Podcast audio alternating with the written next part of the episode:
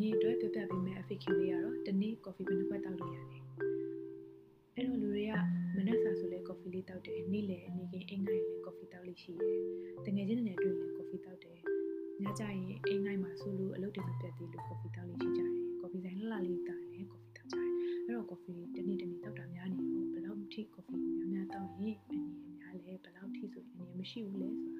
ဆိုတာပြပြပေးပါမယ်။ coffee တစ်ခွက်မှာပါတယ် caffeine အကြောင်း နှစ်ကော်ဖီခါခါတစ်ခွက်မှာကဖင်းက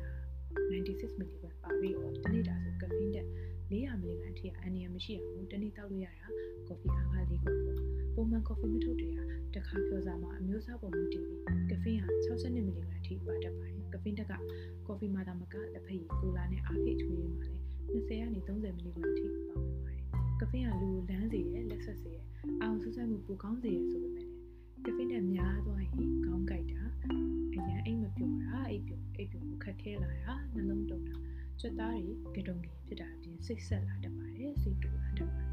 နောက်ပြီးတော့စီးလဲခဏခဏသွားတာဒီဖြစ်လာတတ်ပါတယ်တန်ဆေးလူမျိုးဆိုတယ်လို့ပဲအရန်ကြိုက်လို့ကော်ဖီကိုအရန်ချစ်လို့ဆိုရင်တော့ဒီနေ့ကော်ဖီခါခါကို၄ခွက်ထပ်ပို့ပြီးတော့မတောင်းမိလို့တိုက်တွန်းလိုက်ပါရစေဒီစာစုလေးမှာကဖင်းအကြောင်းအဓိကပြောရမှာလို့ကော်ဖီမှာပါတဲ့ကြားနဲ့နူးစီကိုနောက်ပြီးတော့ထည့်နဲ့နူးရမလိုက်နေတဲ့တတိပြုဖို့လိုပါတယ်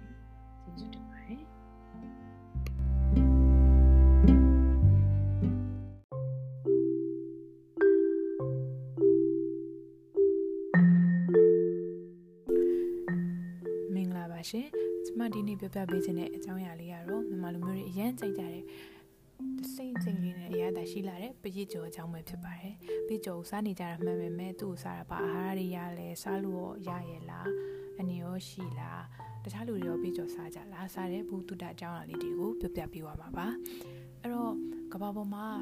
စားလို့ရတဲ့ insect မျိုးစားပေါင်းကအားလုံး 1900ကျော်ရှိပါတယ်ကမ္ဘာပေါ်မှာရှိတဲ့လူဦးရေသုံးပုံတော့အင်ဆက်တွေကိုပုံမှန်စားစားတစ်ခုအနေနဲ့စားလေးရှိကြပါတယ်။ပရိလိုအင်ဆက်ကောင်တွေမှာအသားဓာတ်ပရိုတင်းအဆီဓာတ်အပြင်သက်ဆောင်ဓာတ်များဖြစ်ကြတဲ့ဗိုက်တာမင်နဲ့သက်ထုဓာတ်တွေလည်းကျွဲဝစွာပါဝင်ပါတယ်။အဲ့တော့ပြည့်စုံမှာပါတဲ့သက်ထုဓာတ်တွေကအဓိကအဖြစ်ကယ်လ်ဆီယမ်တန်တက်နဲ့ဆင့်ဓာတ်များပါဝင်ပါတယ်။ပရိကို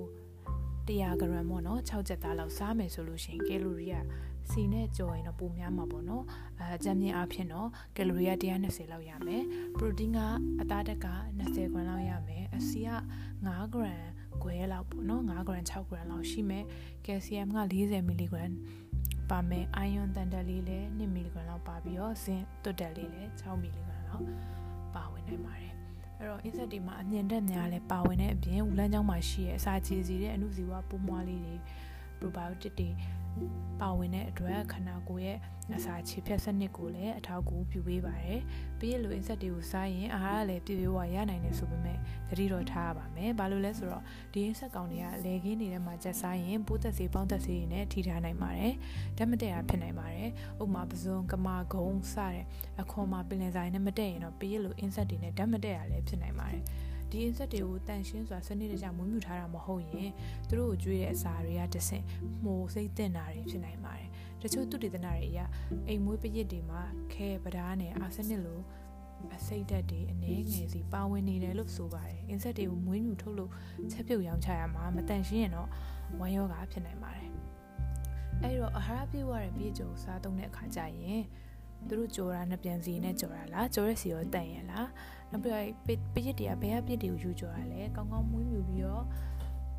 ကျွေးမွေးထားတဲ့ပရစ်တွေလားပိုးသက်စီတွေပါနိုင်လားတန်တန်ရှင်းရှင်းချက်ပြုတ်ရလားစတာတွေကိုလေ့လာပြီးမှစားသုံးကြပါလို့တိုက်တွန်းလိုက်ပါရစေ။